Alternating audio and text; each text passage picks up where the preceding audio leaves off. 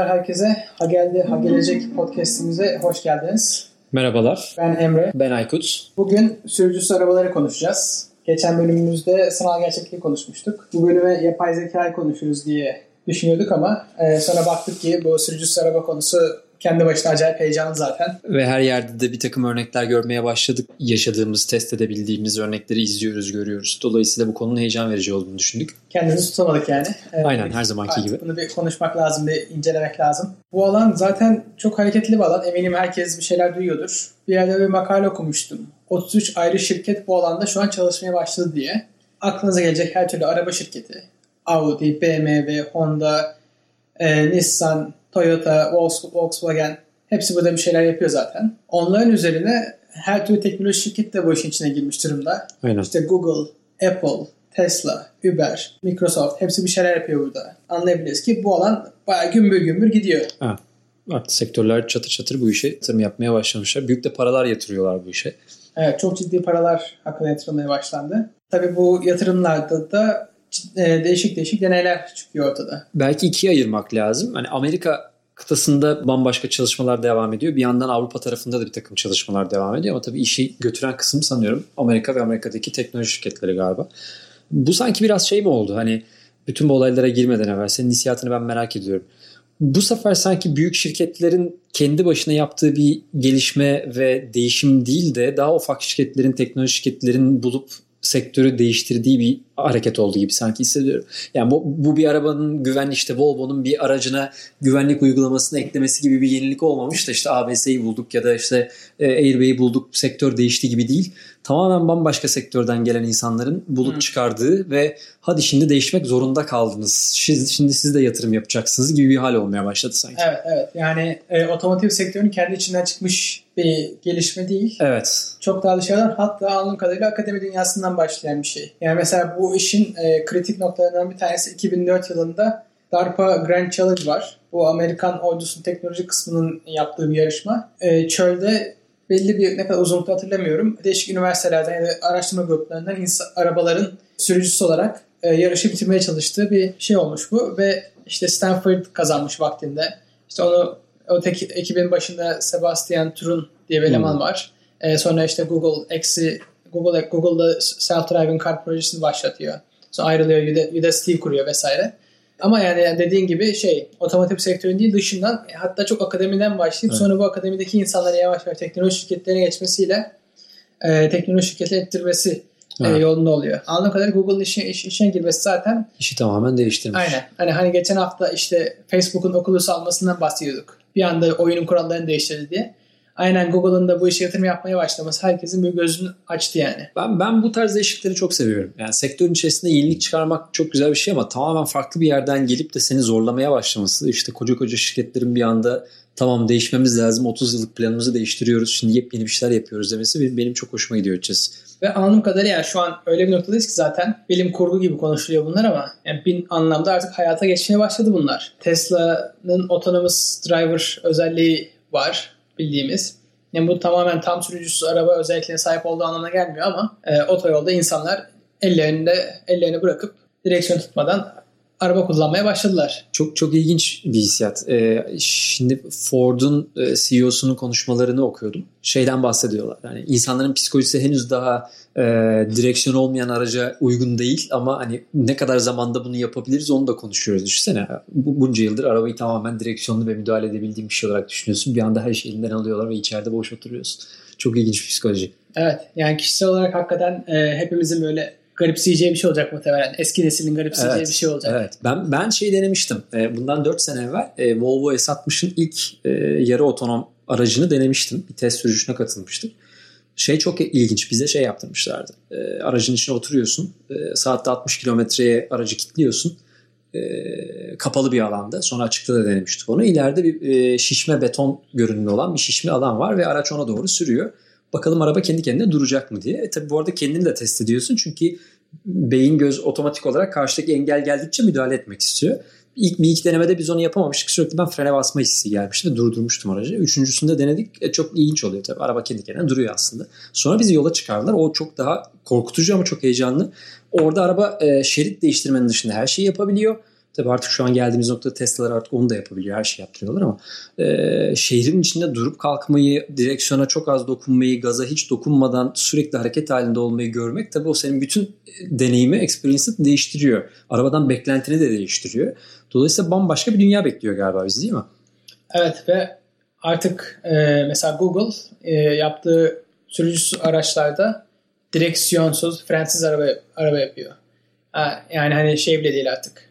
Kutu O- gibi. Oturduğun, aynen oturduğunda arabayı kullanabileceğin bir şey bile yok. Dolayısıyla- Tamamen arabaya güvenmek zorundasın. İçeriye bir televizyon koyacağız o zaman. Aynen. bir internet. Oturma odasına dönecek yani.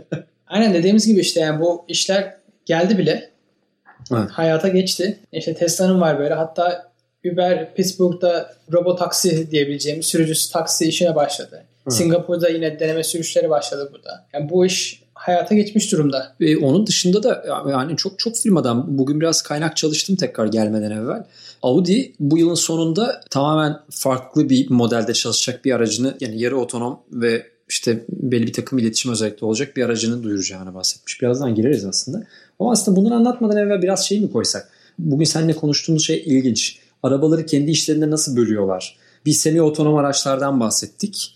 Yarı otonom. Bir tam otonom yani hiç kullanıcıya ihtiyaç olmayan araçlar var. Onu da kendi içinde sektör 3'e bölmüş. Bu araçlar kendi aralarında iletişim kuran, yani arabadan arabaya iletişim kuran, arabadan infrastructure'a, altyapı iletişim kuran ve arabadan her şeyle iletişim kuran olarak da 3'e ayırmışlar. Dolayısıyla aslında bu bizim gelişimimizin de 3 basamağı olacak gibi gözüküyor değil mi? Yani beklentilerimizden biri olacak. Her adımda farklı bir şey göreceğiz galiba. Evet benim anladığım işte hani bizim o bilim kurgu hayallerinde olduğu gibi iki şey yok, sınıf yok yani.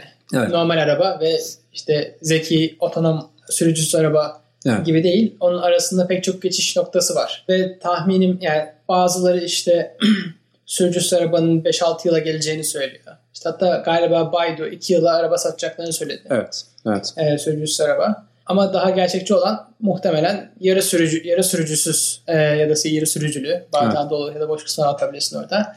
Arabalar çıkacak muhtemelen. E, bunlar bazıları işte otoyolda kullanabileceğin araba, arabalar olacak. Bazılarında işte belli kısımlarda kendin kullanman gereken araba olacak. Arabaların bazı şeyleri yapabilip bazı şey yapamıyor olduğu durumlar olacak. Yani o çok Adım daha adım. böyle adım adım e, geç, geçiş, ge- geçen bir şey olacak yani. Evet, E, evet. Hani çoğu insanın bahsettiği gibi böyle bir anda tık diye bütün arabalar Her şey değişti olmuyor tabii. olayı olmayacak. Yani hatta şey düşünürsek mesela akıllı telefonlar geldi ama hani senin dayın hala eski Nokia kullandı bir süre. E, ya da ilk gelen e, iPhone öyle şimdiki iPhone gibi değildi. Tabii çünkü ciddi aslında yatırım ve işte bir, bir takım değiştirmen gereken kurallar ve konular var arkada yani. Bugün bütün herkesin arabasını alıp otonom yapabildiğini düşünsen maliyetten bağımsız ortada yepyeni sorunlar çıkarıyorsun. İşte o araç gitti birine çarparsa ve bir yanlışlık olursa bunun sorumlusu kim? Bunun karşında kim kimi suçlayacak? Mahkeme buna neye göre karar verecek? Firmanın burada payı ne olacak? Gibi bir, bir takım bütün gündelik düzeni de yeniden değiştireceğin, kanunlara kadar değiştireceğin bir süreçten bahsediyoruz. Dolayısıyla o belli bir uzun zaman alıyor olması gerekecek gibi gözüküyor. Yani evet yani burada baktığımızda yani muhtemelen önümüzdeki 20-30 senede parça parça değişen bir dünya görüyoruz. Bunun sonunda dünyada çok çok şeyler değişecek ve o süreçte tam olarak da e, neyin nasıl gideceğini bilmediğimiz, henüz daha cevaplarını bilmediğimiz pek çok soru var. Biraz Yani deneme de- yanılmayla. Evet yani dedim bahsettiğim mevzuat konuları da Evet. bunun içine giriyor. Ee, istersen biraz şeyden bahsedelim. Ya bu şimdi sürücüsüz araba gelecek diyoruz, bilim kurgu diyoruz, çılgınlık diyoruz. Ee, İşin güzel tarafına bakalım. yani gelince nasıl olacak? Dünya nasıl değişecek? Ondan bahsedelim istersen. Vallahi Emre enteresan. Yani hepsinin böyle değiştiği bir dünyayı hayal ettiğimde şunu düşünüyorum. Ee, bir kere yeni sektörler oluşmaya başlayacak. O kaçınılmaz. Bugün işte bahsettiğimiz en basitten ilk aklımıza gelen işte taksi firmaları az evvel dediğin işte Baidu araçlarını çıkaracak. Dolayısıyla muhtemelen e, toplu taşıma sektörü tamamen yeniden şekillenecek. Bunun için yeni şirketler oluşacak. Eski, şirketler buna ne kadar uyum sağlayabilir çok tartışmalı. Bugün hala taksi şirketleriyle e, Uber arasında olan kavgayı bütün dünyada düşünürsen muhtemelen eski firmalar buna gene adapte olamayacaklar ve Uber gibi firmalar muhtemelen sektörü tamamen değiştirecek. Bireysel olarak da ilginç değişiklikler olacak gözüküyor. Yani hiç araba kullanmadığım bir durumda ben ne yapıyor olacağım? Bu zaman kimin zamanı? İşte şirkete gidiyorsam geçen sefer konuştuğumuz bir case vardı. E, Avrupa'da e, işe gidiş anını İngiltere miydi yanlış hatırlamıyorsam çok emin değilim ama işe gidiş anının da aslında iş süresi olduğuna karar vermişti bir mahkeme. Dolayısıyla artık araba kullanmadığım bir yerde arabanın içinde de ben artık iş mi yapıyor olacağım gibi tamamen her şeyimizin değiştiği bir dünya gelmeye başlıyor. Evet yani hakikaten çok ciddi hayatı değiştirecek bir teknoloji bu. Dediğim gibi bir kısım endüstriyi değiştiriyor. Araba endüstrisini değiştirecek. Evet. Yani orada söylenen en büyük değişim artık araba sahibi olmak zorunda olmayacağız. Çünkü e, bu sürücüsüz taksiler o kadar kullanışlı, erişilebilir hale gelecek ki e, sen İhtiyacın işte olmuyor. telefondan, uygulamadan çağıracaksın. Tak diye e, evin önüne gelecek ve gideceğin yere kendi arabandan gideceğinden çok daha ucuza götürecek seni. Çünkü o aracı çok daha verimli kullanıyor sürücüsüz. Doğru. Şir- şirket. Dolayısıyla bir anda şimdi araba sahipliği yerine araba paylaşma olayı işin içine girmiş oluyor. Evet. Şimdi o gelince e, ve eğer arabaların çoğu bu duruma geçerse bir anda hani senin gördüğün araba şirketleri aslında ulaşım şirketine dönecek. Yani senin orada ara, evet. istediğin evet. üründen ziyade hizmet olacak. Aynen. Ve hani bu çok böyle ciddi paradigmatik bir değişiklik aslında. Evet. Beraberinde tabii problemler de getiriyor. Bu kadar insanın işi ne olacak ve bu insanlar ne yapacaklar? Çok ciddi mesela 2030 e, yılın öngörülerinden biri danışmanlık firmalarından Roland Berger 2030 yılında taksilerin %40'ının otonom olacağını söylemiş. Çok güzel olacak bizim hayatımızı kolaylaştıracak ama bu insanlar ne yapacak gibi başka bir problem de doğuyor tabii. Yani her evet. iyilik aslında ya da kolaylık bir anlamda bir negatif taraf da getiriyor. Aynen. Ona da ona da geleceğiz zaten. Ee, o işin iş gücü kısmına. Evet. Yani şimdi aynen dediğimiz gibi işte bu arabaların sahipliği değişecek, paylaşımlı olacak ve otomotiv şirketleri muhtemelen ulaşım hizmeti şirkete dönecek. Doğru. Ki zaten bu, bu yüzden Uber gibi şirketlerle işbirliği yapmaya çalışıyorlar ya da Uber Doğru. ciddi bir tehlike burada. Şimdi bir başka konuda şimdi bu arabalar çok daha etkin kullanacakları için e, senin benim gibi ya şu arabadan ben 2 iki metre öte durayım ne, ne olacağı belli olmaz e, gibi korkmaktansa evet. ya da işte kırmızı ışıkta trafik olmasa bile beklersin ne olur ne olmaz diye. E, hani öyle insana güvenmediğin için çok daha ciddi kurallar olduğu ve esneklik koyduğumuz sisteme belki geri kalmayacak o kadar. Ya da tam tersi senaryo da olabilir. Ne olacak ya ben şurada sollar giderim dediğin yerde sen artık sollayamayacaksın. Böylelikle kazayı düşürmüş olacak gibi. Doğru. E, çünkü şeyin Amerikan Transportation Ulaşım şeyinin e, bakanlığının bir verisini buldum. E, Amerika'da bir yıl içerisinde olan kazaların %95'i tamamen insan hatası imiş. Dolayısıyla burada ciddi anlamda bir aslında e, insan hayatını kurtaran bir operasyonel bir yeni bir sistem kurmuş olacaksın. Aynen. Yani zaten Trafikte. bu da bu araba şirketlerinin söylediği en büyük etkilerden bir tanesi. Ee, geçenlerde okuyordum ben de işte yılda 1 milyon kişi falan hatırlamıyorum şimdi trafik kazasında ölüyor. En büyük ölüm sebeplerinden bir tanesi e, dünyada. Ve hani bu işi geciktirdiğimiz her gün binlerce insanı e, kaybediyoruz. Yani bu işi biraz daha hızlandırsak şu kadar hayat kurtaracağız gibi hesaplar yapıp hani bunu e, insan hayatında bağlıyorlar e, bu işin aciliyetine. İlginç bir bakış açısı tabii. Do- e, haklı yanları var kesinlikle. E, doğru evet yani trafik değişecek çok daha güvenli hale gelecek. %95 insan hatası çok daha azalacak. Burada bir şey benzetmesi okumuştum enteresan. Denize baktığında bir balık kümesine baktığında Hani balıklar böyle vucur vucur gidiyorlar böyle. İşte iki balık şeyi karşı karşıya gelince bir aralarından geçiyorlar. İşte Finding Nemo'daki şeyleri düşün böyle. Arabalar trafikte böyle olabilir diyorlar. Yani artık trafik ışığına gerek yok. İki taraftan arabalar gelecek ama birbirlerine çarpmadan geçebilecekler. Ve sen, sen yukarıdan baktığında böyle balık gibi arabalar gidiyor göreceksin. Aslında bir karmaşa olacak ama karmaşa değil gibi. Evet yani arabalar hallediyor olacak ama bize çok böyle korkutucu yani ilk başta korkutucu gelecek muhtemelen. Bu, bunun bunun üzerine enteresan çalışmalar okumuştum. Aslında ilk çalışmalarından birini e, gene University of Texas e, Amerikan hükümetiyle beraber yapıyor.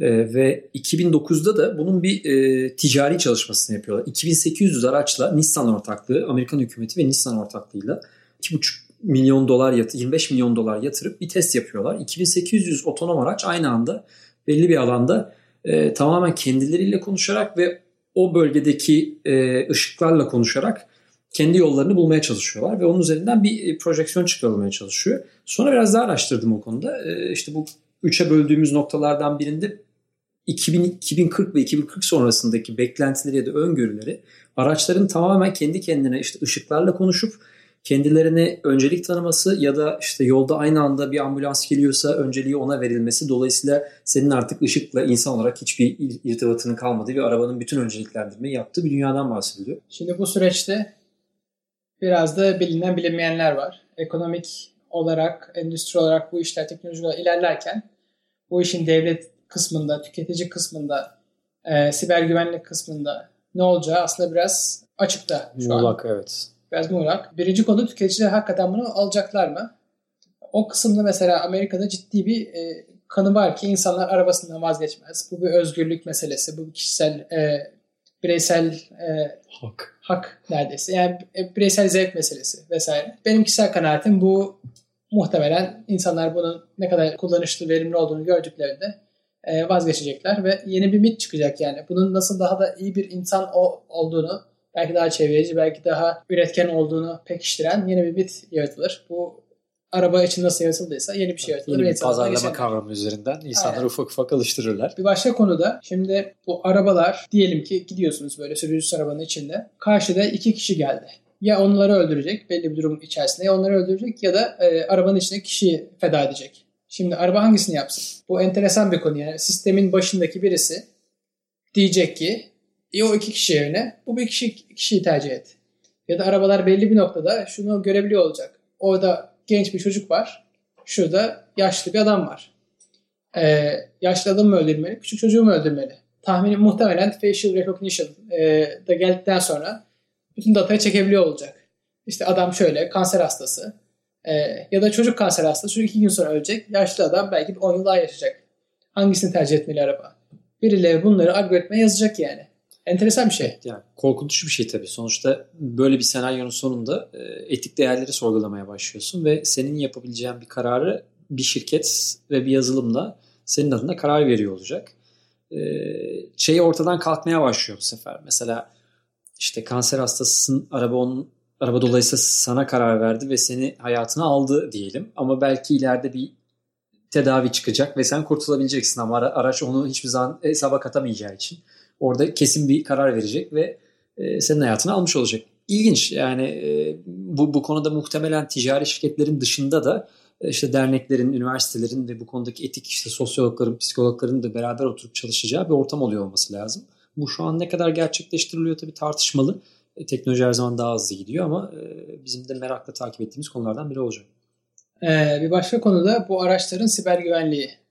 Şimdi bir uçurumun kenarında arabası götürürken e, birisi arabayı hackleyip hadi uçurumdan aşağı gidiver derse arabaya hoppa gitti. Evet, e, bu, bu konuda benzer bir örneği yaşamıştık. Sırf e, bu riski gösterebilmek adına e, internete bağlı araçlardan bir e, 4x4 araçlardan birinin içine sızıp e, araç hareket halindeyken onu yoldan çıkarmışlardı. Bu tabii biraz şey e, dikkat çekmek amacıyla yapılan işlerden biriydi benim anladığım kadarıyla. Ama tabii bütün araçları böyle yapmaya başladığın zaman bu güvenliği kim sağlayacak ve nasıl sağlayacaksın? Ben kendimi kime emanet ediyorum konusu çok e, ciddi risk. E, bu konuda e, son okuduğum yazılardan birinde e, hangi araç firmasıydı yanlış hatırlamıyorsam Google. E, yok Google değil. E, Alphabet. Şu, evet evet Alphabet'in e, CEO'su şöyle bir açıklama yapmış araçlarının tamamını internete daimi olarak bağlamayacaklarını, e, sadece ihtiyaç anında internete bağlanıp veri alıp vereceğini, geri kalan verilerin aracın kendi içerisinde olacağını söylemiş. E, tabi bu da tartışmalı yani sonuçta bir kere bir açık kapı bırakıp internete bağlandığın andan itibaren güvenlik riskini ortaya atıyorsun. E, bu da uzun süre uğraşacağımız, tartışacağımız konulardan biri olacak. Bu muhtemelen şeyleri bile değiştirecektir. Yani mahkemedeki işte kim kimi nasıl öldürdü, bilerek mi öldürdü, işte biri geldi suikast mı yaptı konusunu bu bir suikast silahı, silah haline bile gelebilecek bir konu. E, dolayısıyla bu alandaki gelişmeleri de takip etmek lazım. Bir başka konuda devletler buna ne kadar hızlı uyum sağlayacak. Yani sonuçta biz burada e, birkaç yani yüz yıldır giden bir e, ulaşım mevzuatından bahsediyoruz. Evet. Bir anda bunların hepsi değişmesi gerekecek. Muhtemelen bazı ülkeler ki örnekleri var buna daha hızlı, proaktif bir şekilde yaklaşıyorlar. Şimdiden düzenlemelere geldiler, planlar yapıyorlar. Bu endüstri e, destek cesaretlendiriyorlar. Bazıları da şu an e, uyuyor diyelim. Buna hazırlıklı değiller. E, Amerika'da mesela ya da Avrupa'da pek çok araba şirketi bir konsorsiyum kurup burada düzenlemeleri, mevzuatı geliştirmeye çalışıyorlar. Evet. Yani ciddi çalışmalar var bu alanda da. Bakacağız yani ne kadar hızlı gidecek. Evet, e, yani her anlamda işte Dubai'nin, Amerika'nın, Avrupa'nın bu konuda ciddi çalışmaları var. E, takip edebilirsiniz. Bunları da yayınlıyorlar zaten internet üzerinden. E, bir de tabii hiçbir şey yapmayan ülkeler de var. E, onlar zararın daha büyüğünü görüp sadece tüketici olarak kalacaklar gibi gözüküyor. En sonunda bir de şunu soralım. Yani Türkiye için, bizim için bu ne ifade ediyor? Ne olması gerekiyor? Ne yapmak gerekiyor? E, konusu. Az önce bahsettiğimiz gibi bu işin mevzuat kısmı var. Hani Türk devletinin bu konuda ne kadar e, proaktif davranacağı şu an belirsiz. Burada proaktif davranmanın şöyle bir faydası var. Bu endüstri ya da bu araçlar e, daha çok pratik yaptıkça gelişen, daha fazla veri öğrendikçe bu veriler üzerinde daha iyi e, sonuçlar, sonuçlar alabilen, daha evet. verimli, daha zeki olan e, algoritmalar olacaklar. Dolayısıyla burada erken hareket eden, daha kendi araçlarını daha erkenden pratik yaptırabilen kurumlar, ülkeler vesaire e, ileride de daha sağlam e, şeyler çıkartabiliyor olacaklar.